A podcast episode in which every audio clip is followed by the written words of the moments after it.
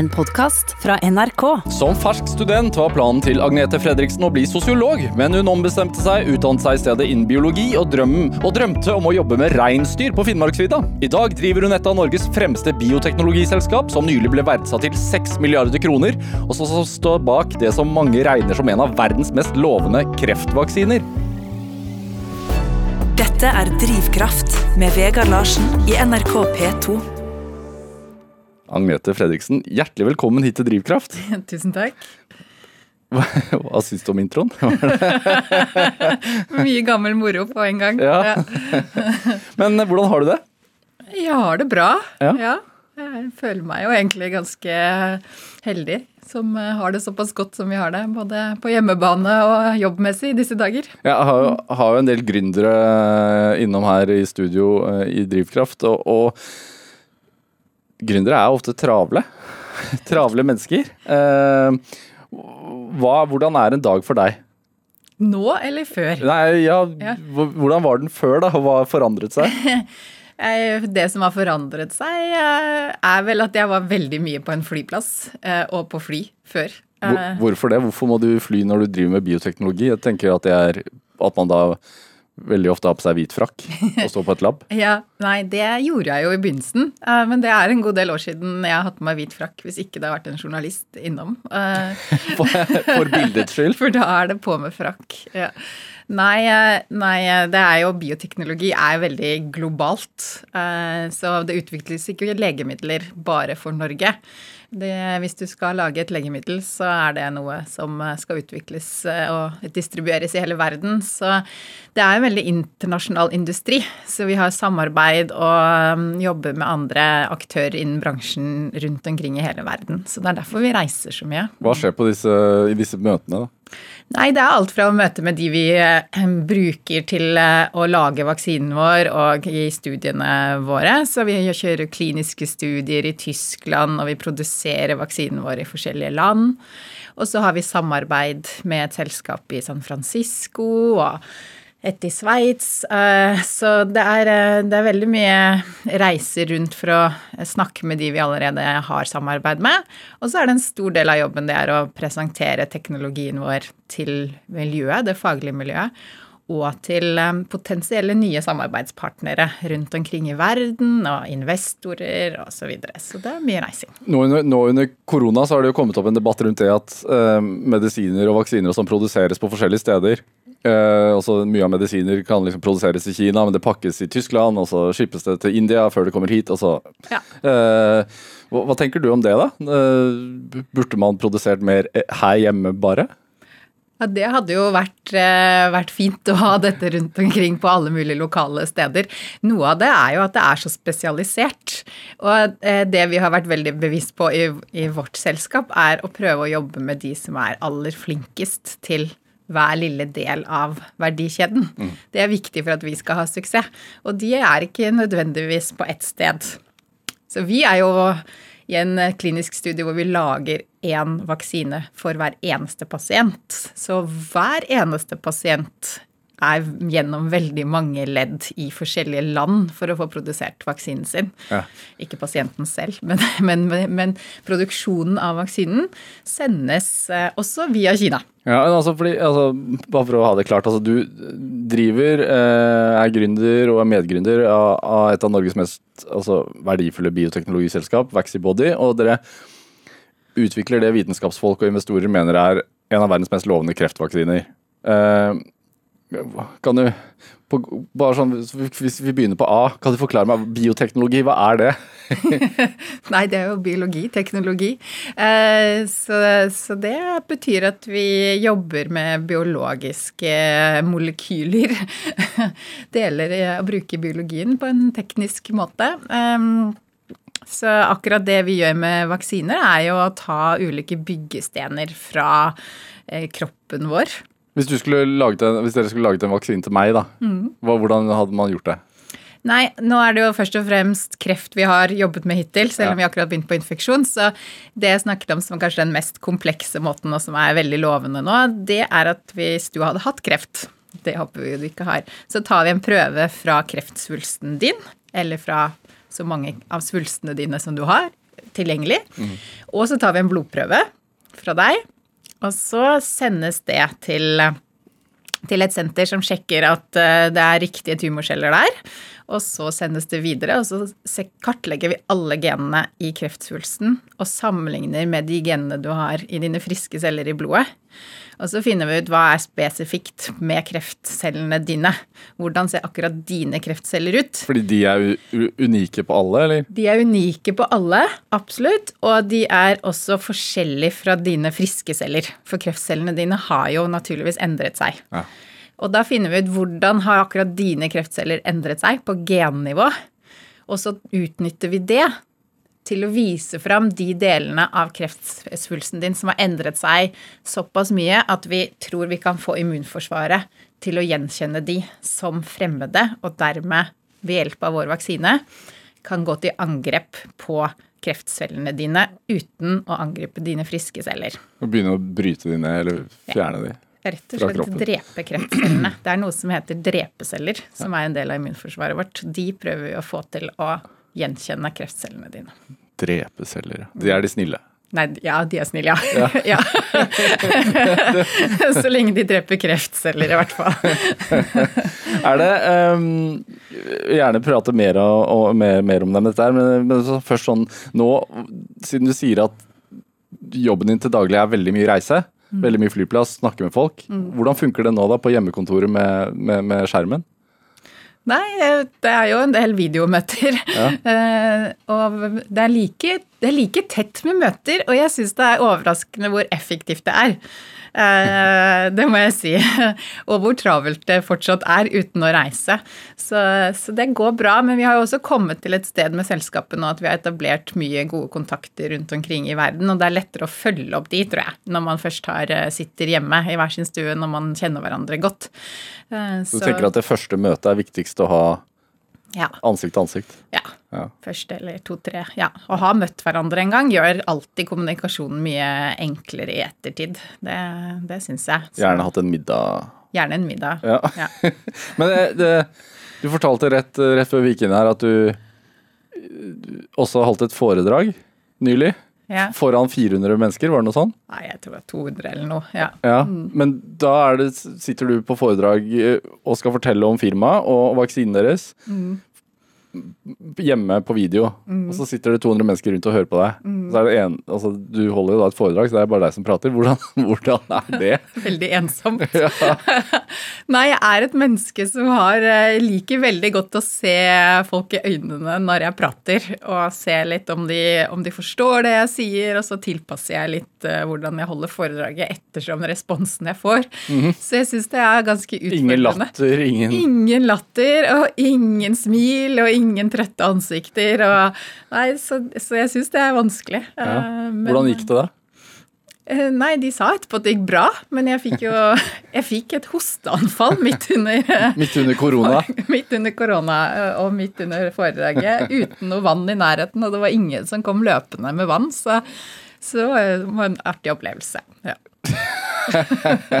det er litt sånn Hoster man nå pga. pollen eller noen ting, så må man liksom forklare. Det, det, er ikke, det, er ikke, korona. Ja, jeg måtte si det er ikke korona. Men, men altså, er det eh, Når land og land begynte å stenge ned, og ble du da, siden dere er da blitt et, en internasjonal bedrift, mm. ble, ble du bekymret på noe vis? Nei, altså det var jo veldig spesielt. Jeg var i um, San Diego, eh, og da var det ca. 20 tilfeller i USA og ca. 20 tilfeller i Norge. Så jeg følte at der var det jo tryggere enn hjemme, så det gikk jo helt fint. Så dro jeg fra San Diego til San Francisco. Så skulle jeg hjem på en lørdag, og så skulle jeg til New York på tirsdag.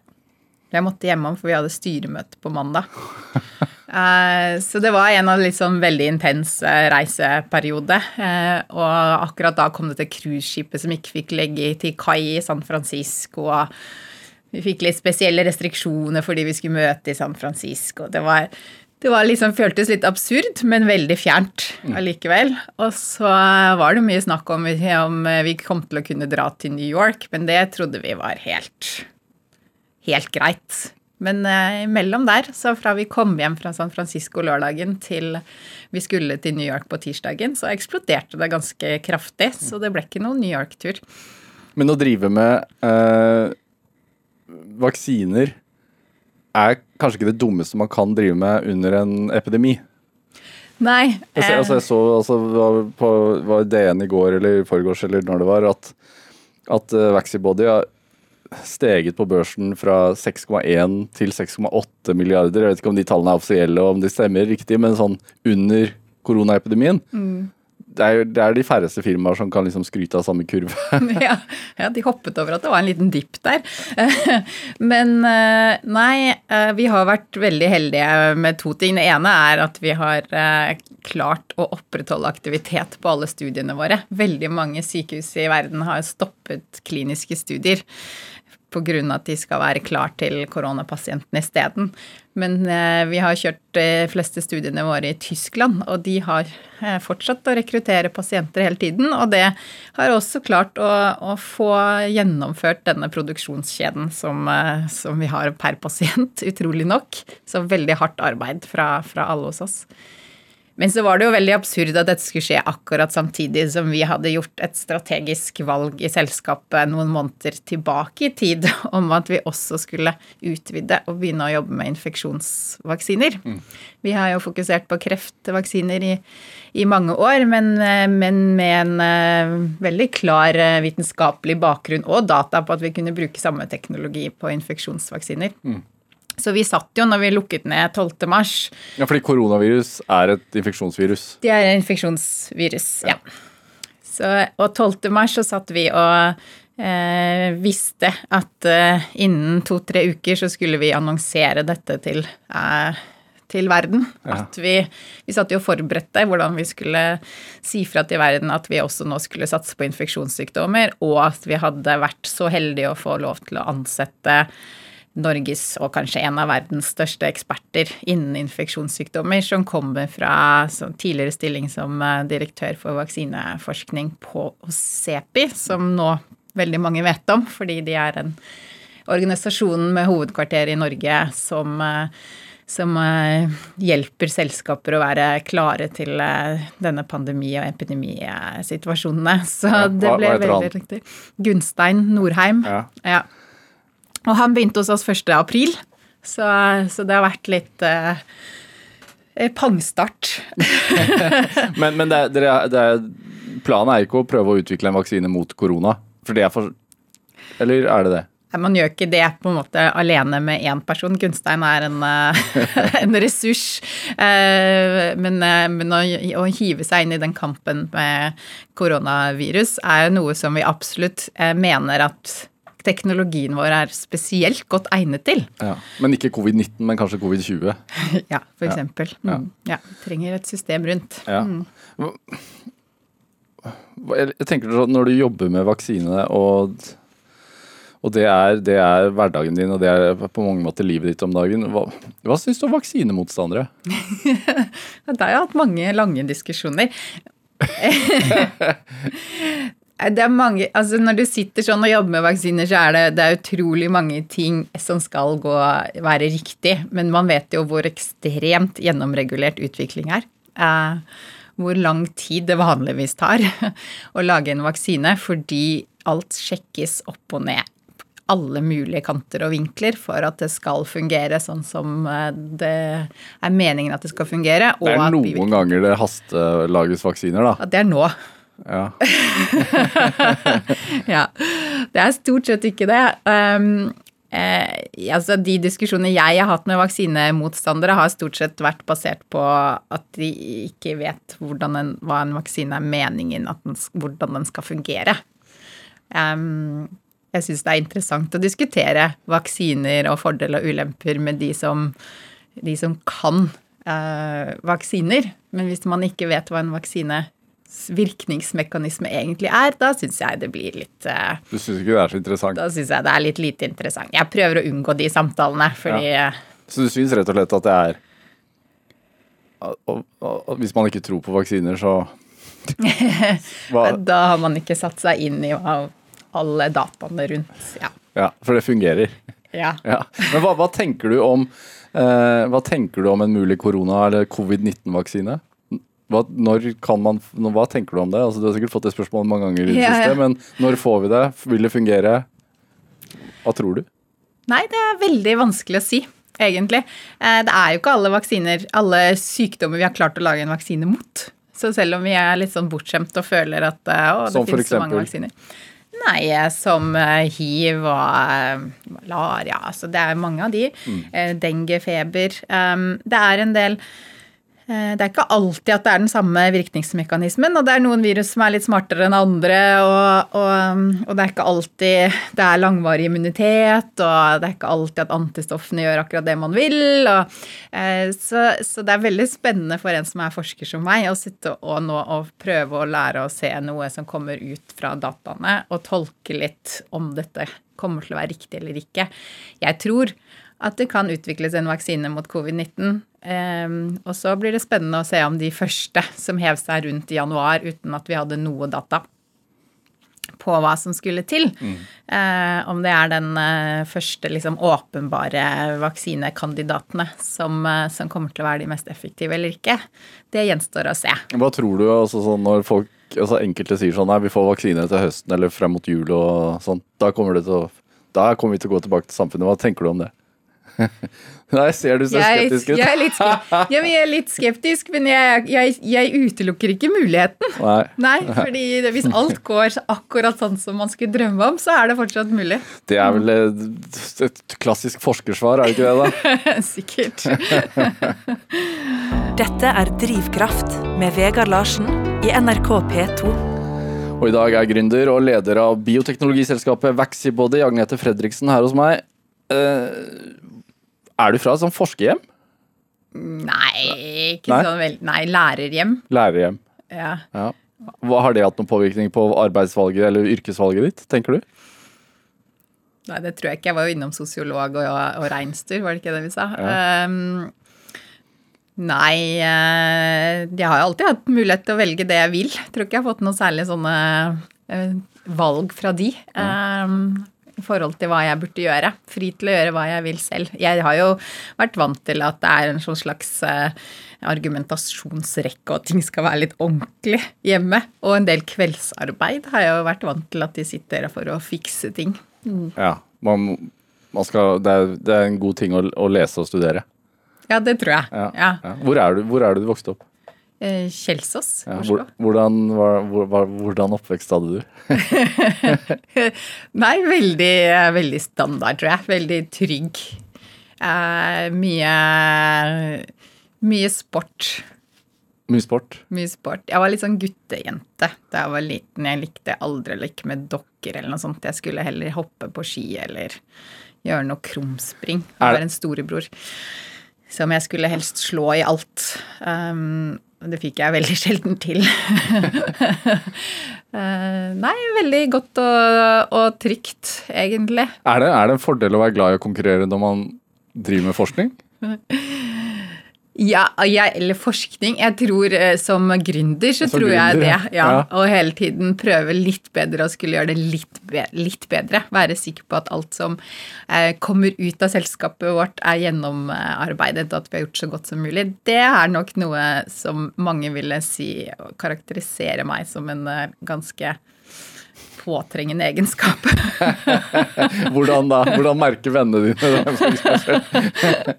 Kollegene mine merker vel det, i hvert fall. Ja. Nei, vi eh, De kaller det jo sånn derre Vaxibody-kvalitet. De som har jobbet andre steder før. Hva er. Vaxibody-kvaliteten? Nei, jeg tror at vi eh, prøver å tenke oss litt om og eh, ha ganske høy takhøyde på, på å diskutere og kommentere internt om, eh, om vi har tenkt oss nøye nok gjennom om det fins en bedre løsning. Ja, det var på godt. Hva var det på vondt? At det kan være litt irriterende. det er mange dyktige mennesker hos oss som er kjempeflinke. Um, så, så det kan sikkert være bitte litt irriterende med sånne ekstraspørsmål hele tiden. Ja. Men, men denne uh, gründermentaliteten, er det, er det noe du slekter på? Nei, jeg vet ikke. Nei, det er ikke gründermentalitet. Men Altså, oppfinnere, en, kanskje, har jeg hørt om. Ja så, jeg, ja, så jeg har en morfar som har eh, annet designet brunostpakkemaskinen. Han designet maskiner for Fellesmeieriet, så melkekartonger og Jeg tenker ofte på det når jeg spiser brunost, så tenker jeg på morfar, og så syns jeg det er morsomt å se på hvordan den er pakket sammen. Ja. Men på min fars side er det jo en kunstnergjeng. ja. Så b- to forskjellige retninger der. Ja, for det er veldig sånn ingeniør, ingeniør. Veldig sånn eh, linjal, føler jeg, Ja. på, på mors sin side. Eh, litt sånn stille, stille sittende med, med rette linjer. Og, og kunstnerne, hva gjør de? Kunstnerne hadde nok ingen rette linjer. Nei, det tror jeg ikke. Eh, min farfar var kunstmaler og levde av det og var eh, lærer på tegneskolen. Eh, og gikk eh, De har jo hytte ved siden av Jeg hadde jo hytte ved siden av min, eh, min farfar. Og der var det mye kunstnersjeler innom. Ja. litt sånn annet liv. Er det en fin ting å, å ha med seg liksom to, to verdener når du i, i jobben din som gründer og når du er, stifter et selskap og skal eh, dra rundt og møte investorer og sånn, at man har litt sånn forskjellig ballast? Ja, kanskje. Ja. Ja, men altså der tror jeg når jeg skulle møte investorer, det er det ingen av mine, min familie Så- som kommer fra, altså. Ikke, bru, ikke brunostpakkeren Nei. engang? Nei, nei, ganske nøktern eh, gjeng. Ja. Så, så, men det, det sånn har jeg lært meg at man ikke skal ha fordommer. Veldig mange interessante, smarte sjeler med humor og gode personligheter, også blant de som eh, har vokst opp med mye penger. Det, Ja. det tror jeg ikke jeg, det er ikke jeg vokst opp til å tro. Men du er en blanding av de to verdenene? ja. Ja. ja. Er det eh, Hvor viktig tenker du at eh, som lærere og sånne ting har å, for å si hvor man ender opp? Også fordi, som vi, som vi var innom her i intro, introen, altså du hadde jo kanskje ikke planer om å bli sosiolog, men det var det du studerte, og så ville du på Finnmarksvidda en tur. Altså, hva, hva Fortell om det løpet, hvordan du endte opp i en lab og Nei, kanskje langreise. Jeg syns det var veldig spennende med naturfag på ungdomsskolen. Hadde noen eh, spennende lærere som gjorde det interessant. Syns det var veldig spennende hvordan naturen var satt sammen. Um, Hva er det som er spennende med det, da? Nei, altså alt når du kommer helt ned på cellenivå, hvordan cellene snakker sammen inni en kråkebolle, det syns jeg Jeg syns det var spennende. jeg syns det var veldig fascinerende, for før har man bare sett en kråkebolle og så tenkt at den har pigger, men at det liksom lever og kommuniserer eh, inni der. Hvordan det reagerer når den får eh, Ja, det syns jeg var veldig, veldig interessant. På videregående så var det ikke Tenker du det om altså, Unnskyld også at jeg avbryter, men tenker du det om liksom din egen kropp og sånne ting altså? Ja. Ja? ja. Ja. Jeg syns det er kjempefascinerende. Eh, Jeg syns det var litt vanskelig i begynnelsen å så koble det man leste om i en bok, til hva som egentlig skjedde inni kroppen. Men, eh, men det, tror jeg, det tror ikke bare er meg, det tror jeg vi har mange sånne aha-opplevelser på jobben hvor vi liksom eh, tenker gjennom hvor eh, fascinerende det er hvordan cellene våre reagerer. Og vi ser det jo på pasientene våre. Fortell, fortell om et aha, en aha-opplevelse.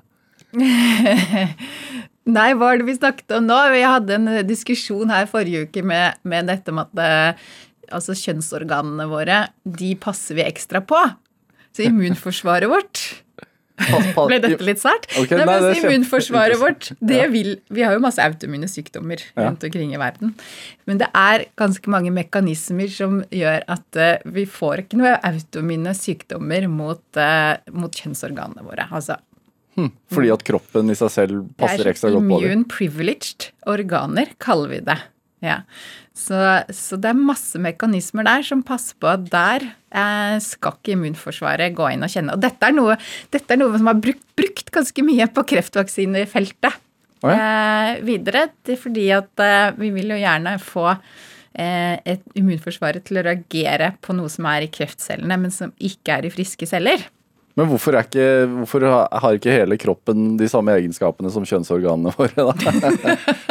For vi vil gjerne at immunforsvaret vårt skal rydde opp. Ja. og, og drepe alle celler som, er, går, går, eh, som blir litt skadet ellers.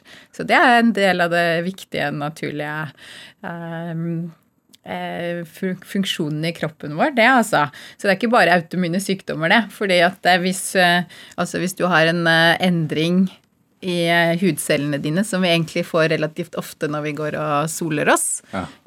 så er stort sett immunforsvaret der og rydder opp. Ellers så hadde vi fått føflekkreft hele gjengen veldig ofte.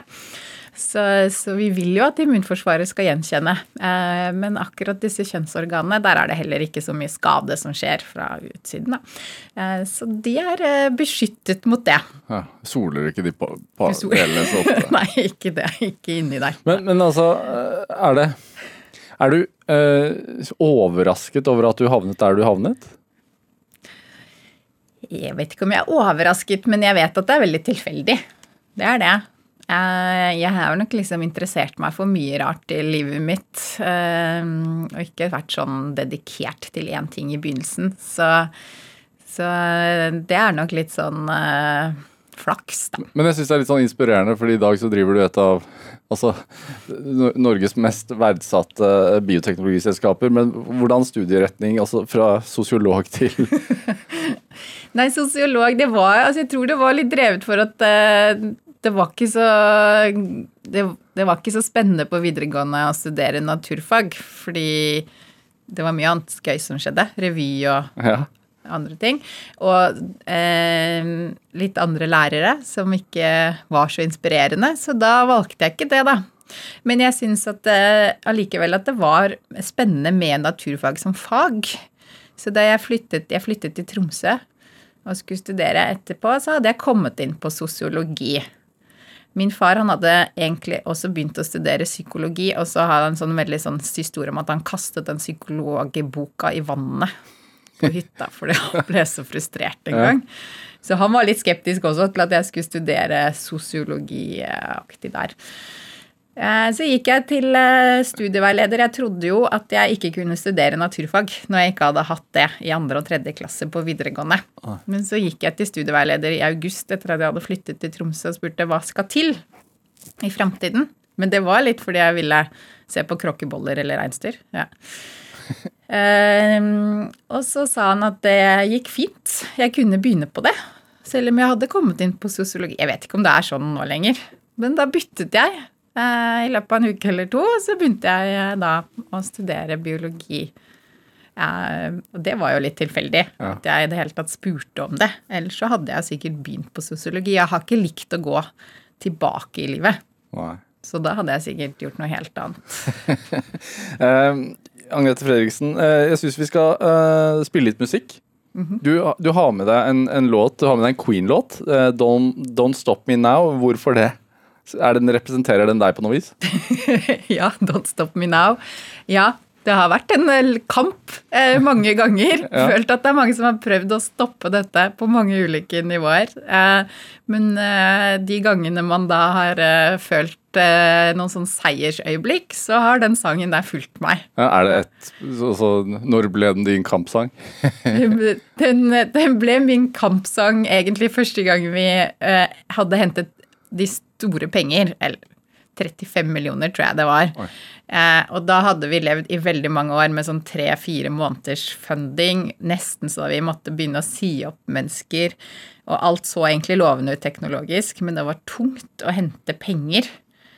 Og så hadde vi en sånn Ja, fordi folk skal jo ha lønn, og ting skal gå rundt. Ja. Strømmen skal være på. Og så når vi hadde hentet de pengene, så visste vi at da skulle det være nok til å komme i klinikk og få lov å teste vaksinen vår på pasienter. Så det var en sånn stor endring fra ja, veldig stor med milepæl. Da kom den sangen mens jeg var på spinning. Uh, da følte jeg aldri syklet så fort hele mitt liv. All right, da, da, skal vi spille Don't Stop Me Now. Okay. Du får sånn god da du blir... Det er jo en ekstasesang. Ja, her er den iallfall.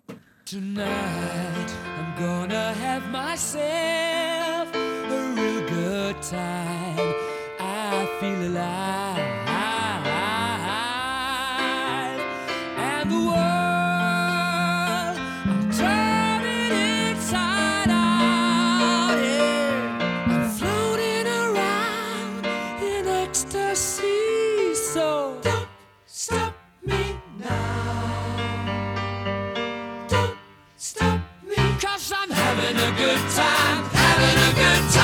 shooting star leaping through the sky like a tiger, defying the laws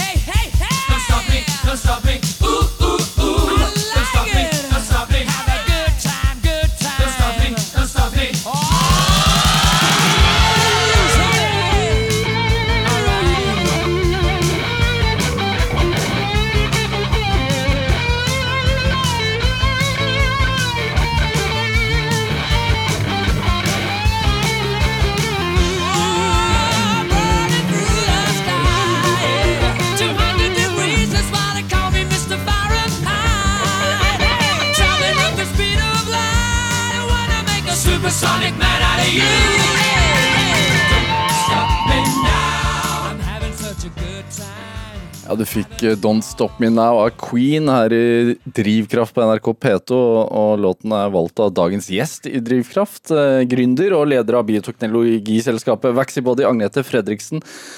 Eh, din power-låt. Ja. Ja. eh, og hvordan, altså Fra det utdanningsløpet vi var inne på, og sånne ting, hvordan kom du opp med det, og, og at du skulle jobbe med kreftvaksine? Å, gud. Eh, nei, jeg syns jo mens jeg studerte at det var, begynte å bli mye mer spennende med hvordan kroppen fungerte, enn uh, hvordan froskens kropp fungerte. Allikevel. Til min store forundring. Eh, så jeg syns det var spennende, og begynte å skjønne litt mer om alt som man ikke visste ennå. Og det fascinerte meg, for når vi leste de første bøkene i naturfag, så høres det ut som om alt er eh, Oppdaget. ferdig oppdaget, og vi vet alt. Og etter hvert som man leser mer, så skjønner man hvor mange undre som er igjen, og alt man ikke forstår. Eh, og det fascinerte meg også veldig. Um, så da eh, dro jeg tilbake til Oslo og skulle jobbe, ta hovedfag, som det het den gangen, hos Inger Sandli. Og da jobbet jeg med antistoffer. eh, og lekte meg litt rundt med de og byttet om på Hva, hva er antistoffer? Antistoffer er jo en veldig viktig del av immunforsvaret. eh, som er eh, det er ser ut som sånne y-er. eh, som binder seg til overflaten av eh, virus og alt som er fremmed. Bakterier, eventuelt også noe på overflaten av kreftceller. Eh, og og mar markerer de for immunforsvaret, men også kan rett og slett hemme de og sørge for at eh, virusene ikke kommer inn i våre celler. Eh, og det er mange forskjellige typer av de, og man kan Der fins naturlige varianter, og man kan også lage optimaliserte varianter. Så det jobbet jeg litt med på, på hovedfaget. Og så hadde Inger Sandli et uh, samarbeid med professor Bjarne Bogen som på Rikshospitalet. Og det var litt en sånn slags førstegenerasjons vaksiner som de holdt på med da, som het Troybodies. Vaksiner mot Eller for? Det var jo bare på et akademisk stadie eh, på den tiden. Men vi jobbet med det stort sett mot eh, lymfekreft. og Beinmargskreft var de modellene som ble brukt i størst grad i begynnelsen, også med Vaxibody. Og så, fant, så var det en del ideer rundt at de Troy-bodiesene var veldig kule, men de var ikke helt optimalisert for å For vi kunne forbedre dem. Og det var da på sånn designstadie i forbindelse med en doktorgradssøknad eh, til Kreftforeningen, som jeg da fikk. Så det var litt sånn høyrisikoprosjekt, fordi ofte så ønsker man jo bare å få tre publikasjoner ut av en doktorgrad, og da er det greit å starte et sted hvor man har litt, litt, god, litt god basis. Eh, Så det var ganske mye sånn risiko det første året, halvannet. Hvorfor det? Fordi man skulle lage et helt nytt molekyl. Og alt, hele, hele doktorgraden var liksom avhengig av at man fikk til å lage det molekylet. Eh, og, og kroppen vår består av veldig mange proteiner. Eh, og noen ganger så kan du endre en sånn bitte liten minidel av det, som heter anaminosyre, og så faller hele proteinet fra hverandre.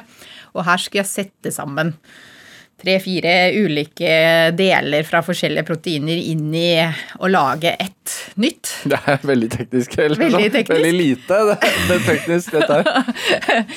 Så, og det var, alt var avhengig av at det, det skulle fungere og bli, bli et sånt protein, da, vaksineprotein. Og det fikk du til. Og det fikk vi til. Hva hadde skjedd hvis ikke?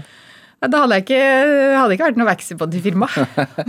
Men altså det å starte opp da sitt eget uh, firma som du gjorde da sammen med disse to du nevnte, sant? Ja, Inger Sandli og Bjarne Bogen. Og jeg er jo det sånn medoppfinnere eh, på det. Og, da, og når man da skal komme opp med en kreftvaksine det er jo, det har, man har, Jeg har hørt om det så lenge jeg har levd, holdt jeg på å si. At man nå skal lage vaksiner mot kreft eller eh, kurere kreft. Altså det er et hårete mål. Det er det. det er det. Og det var enda mer det i 2002, da jeg startet på eh, doktorgraden. Ja. Det begynner å bli noen år siden. Eh, Da hadde man jo jeg var veldig stor skepsis mot at immunforsvaret i det hele tatt kunne ha noen rolle i å bekjempe kreft. Vi visste jo at det var måte virus og bakterier. Hvorfor trodde man ikke på det? Fordi det aldri hadde, vi aldri hadde klart det. Og det er egentlig det store gjennombruddet. Kom ikke der før i 2011. Så det er ni år med litt sånn eh, hodet mot veggen eh, hele bransjen, da. Ikke egentlig bare Vaxibody. Eh, så alt fungerte veldig bra i mus, men eh, det hadde ikke fungert så bra i mennesker.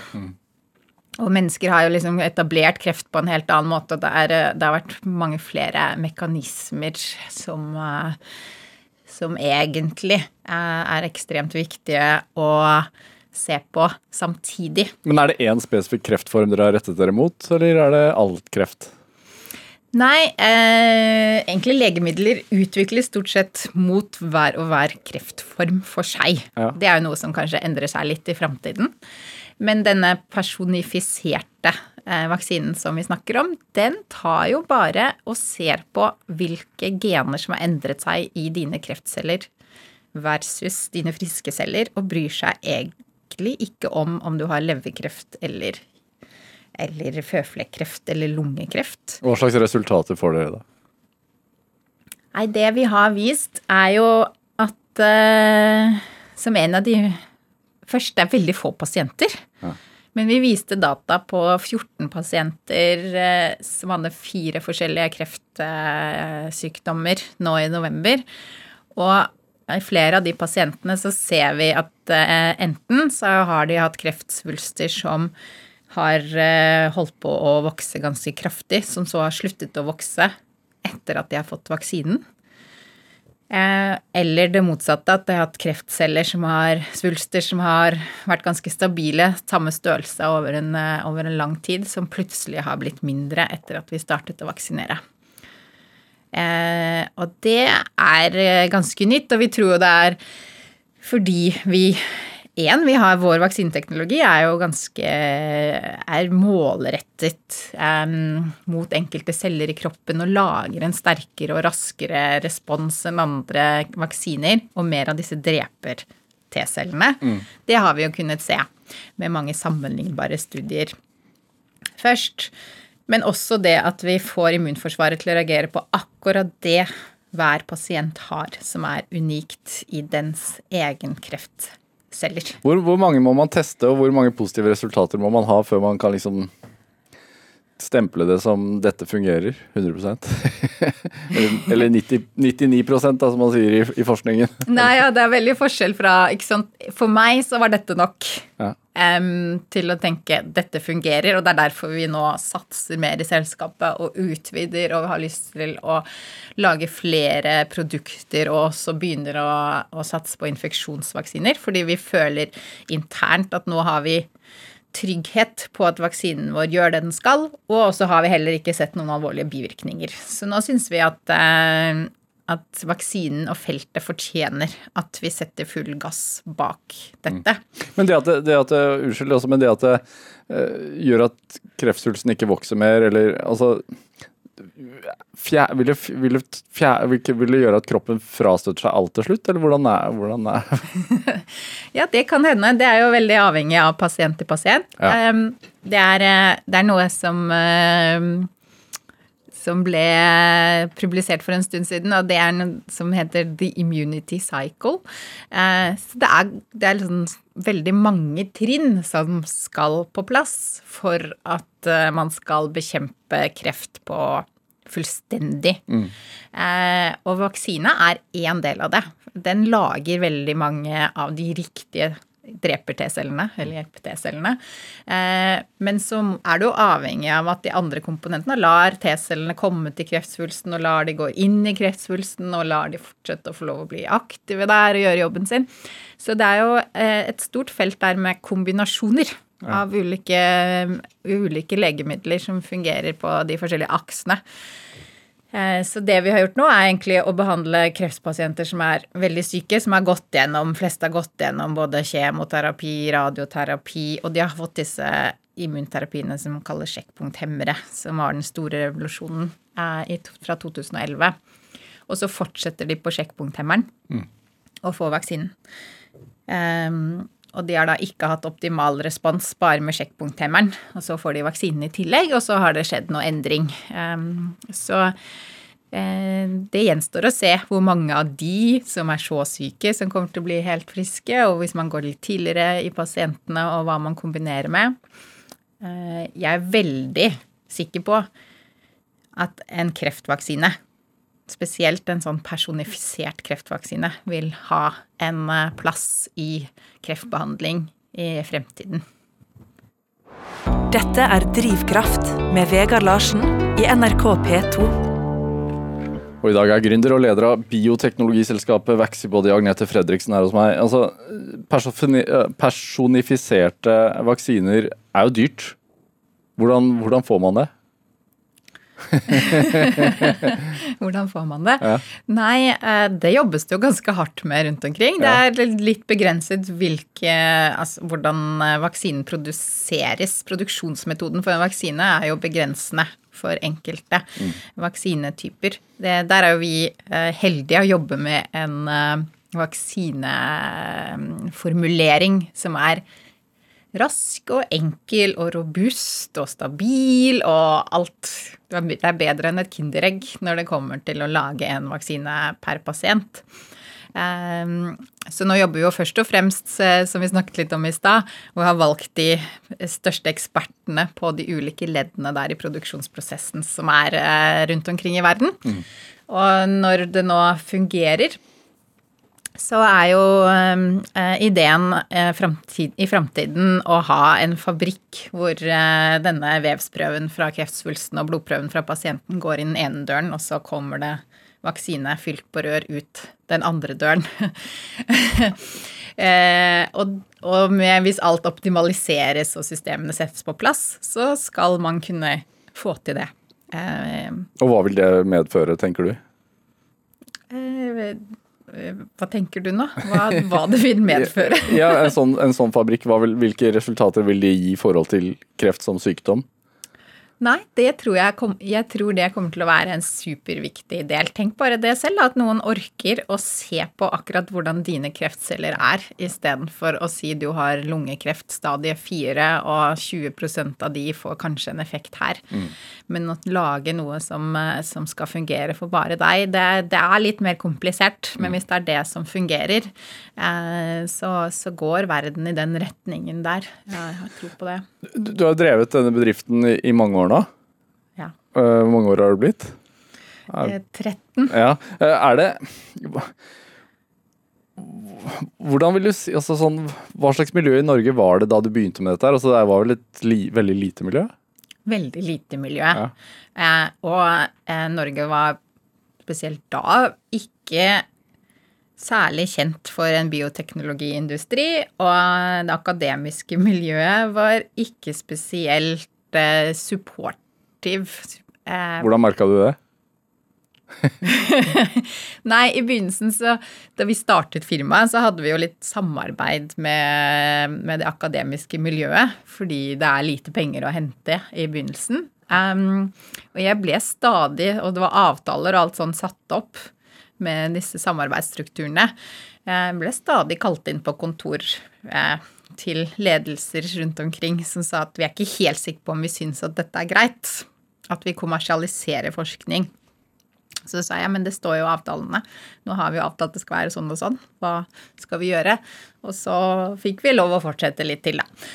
Eh, Men det var ikke Det ble litt sånn uglesett. Det blir sånn at noen tror at man skal gjøre det for å, for å tjene penger. Eh, Ja, fordi altså øh, Bransjen, altså medisinbransjen har jo litt rykte på seg, i hvert fall internasjonalt, for å være grådig. Ja, det er jo litt sånn interessant det, da, fordi ja. det er jo ingen legemidler som kommer ut av akademisk forskning direkte. Det må jo systematiseres, og det er en ekstreme mengder investeringer eh, og store systemer som må på plass for å få et legemiddel fram til markedet. Eh, og veldig mange som, av produktene som man prøver å få fram, som mislykkes. Så det er en stor risiko for alle de som jobber med dette, eh, på at alt man jobber med, ikke blir noe av. Har du følt på det? Ja, Når? hele tiden. Jeg har lurt mange ganger på at eh, det er når jeg ikke har sånn queen moment, eh, så, så er det jo tungt å føle at man jobber så mye mot, for å få fram noe som eh, veldig få lykkes med. Ja, hvordan var det i starten, da? I starten var det veldig tøft. Jeg kunne jo ikke så mye om hva som skulle til heller, og Norge var såpass uh, ungt i dette og investerte veldig lite penger, som vi snakket om i stad. Ja. Sånn at vi hadde jo ikke et miljø rundt oss med folk som egentlig visste hva vi burde gjøre. Så det var litt sånn brannslukning og løpe etter um, der. Det har jo vært en sånn gradvis prosess, det med å få profesjonalisert selskapet og det å sitte nå og vite hvor mange dyktige mennesker som nå jobber hos oss. Hvis vi hadde hatt inn de fra begynnelsen, så hadde jo alt gått veldig mye fortere. Eh, Så det var veldig mye på egne skuldre og veldig annerledes å gå inn i et firma og skulle kjøre toksikologistudier og produsere vaksiner under good manufacturing practice, og alt dette var helt nytt for meg, og det var egentlig ikke noe ekspertise der ute som måtte lære alt eh, selv. Men hvor mye jobba du i starten, da, tenker du? Omtrent like mye som nå. Og det er Det er mange timer, ja. ja, på, i, i løpet av en dag eller en uke, tenker du? Nei, det er vel gjerne ti-tolv timer Ja. ofte. Hva, hva er det som gjør det verdt det, tenker du? Det blir jo litt hobby også. Eh, Så jeg blir sliten innimellom, absolutt, og jeg trenger å komme meg ut og få luft og røre på kroppen og sånn. Jeg vet hva jeg henter energi av innimellom, men, eh, men jeg syns det er spennende. Det er som en hobby. Jeg syns det er kjempegøy å løse et problem og dra prosjektet videre. Og jeg jobber med mennesker jeg liker veldig godt, så de er jo, de er jo vennene mine. Jeg er glad i dem. Eh, Jeg satt og snakket på telefonen med, med flere mennesker i går mellom klokken ti og kvart over tolv i natt. Ja. Eh, jobb, altså.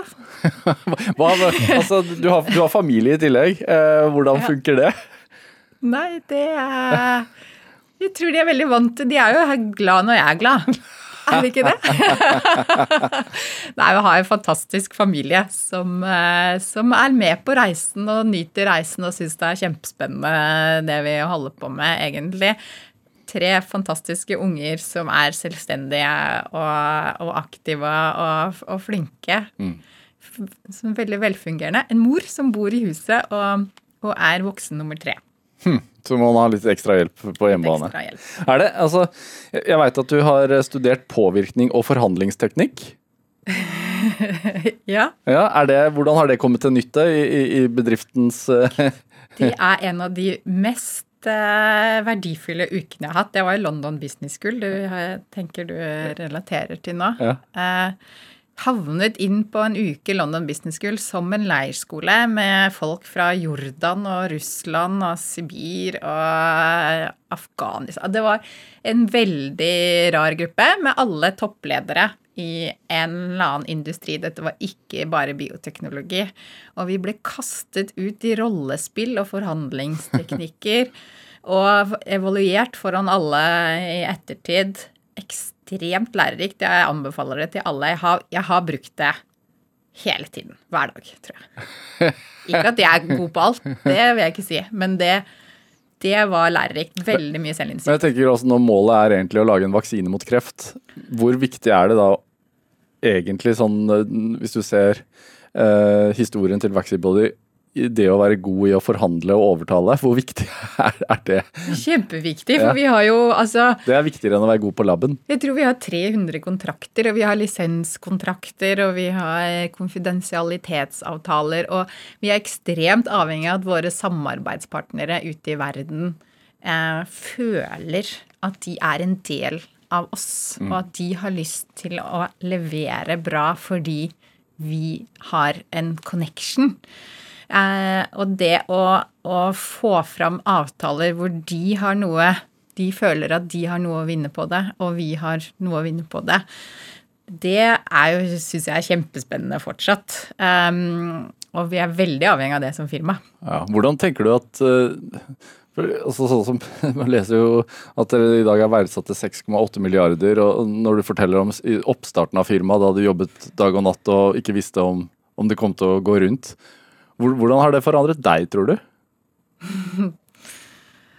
Nei eh, Det er jo veldig sånn derre eh, stå-på-vilje, men jeg føler også et veldig ansvar for å ha brakt selskapet dit det er. Eh, og det har jeg gjort hele tiden. Jeg syns det var ganske tøft når vi skulle Jeg var til stede da vi vaksinerte første pasient. Og da var det mange tanker som surret gjennom hodet mitt. Når var det? Eh, Det var september 2015. Ja. Eh, For det er det ansvaret med alle de du også har forhandlet fram. Alle som er, har vært med på å lage det. Alle testene som har vært gjort fram til det, og at de har gjort riktige. Eh, ansvar overfor pasientene, ansvar overfor styret, ansvar overfor alle investorene som hadde lagt sine penger i det. Jeg følte alt det lå og hvilte på mine skuldre, og det satt en pasient Ja. som helt frivillig eh, ville være den aller første i verden som testet en Vaxibody-vaksine. Og det var en pasient som var syk, som hadde kreft. Ja, det var en forstadier til livmorhalskreft Ja. også. Mm. Hva skjedde så? Nei, det gikk bra. Altså, jeg har vært til stede med eh, første pasient på den studien og første pasient på den personifiserte studien. Og det som er litt godt, er jo at begge de har, eh, har fått effekt av vaksinen.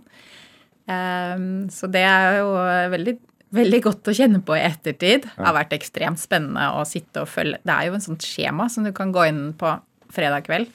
Men fått effekt, er de kreftfrie, eller er de altså hvordan Eh, nei, ikke helt frie, men, ehm, men ehm, de har eh, fått redusert størrelsen på kreftsvulsten og eller det motsatte. Men er det, er det når, når øh, altså investorer øh, investerer masse penger, er det Blir man påvirket?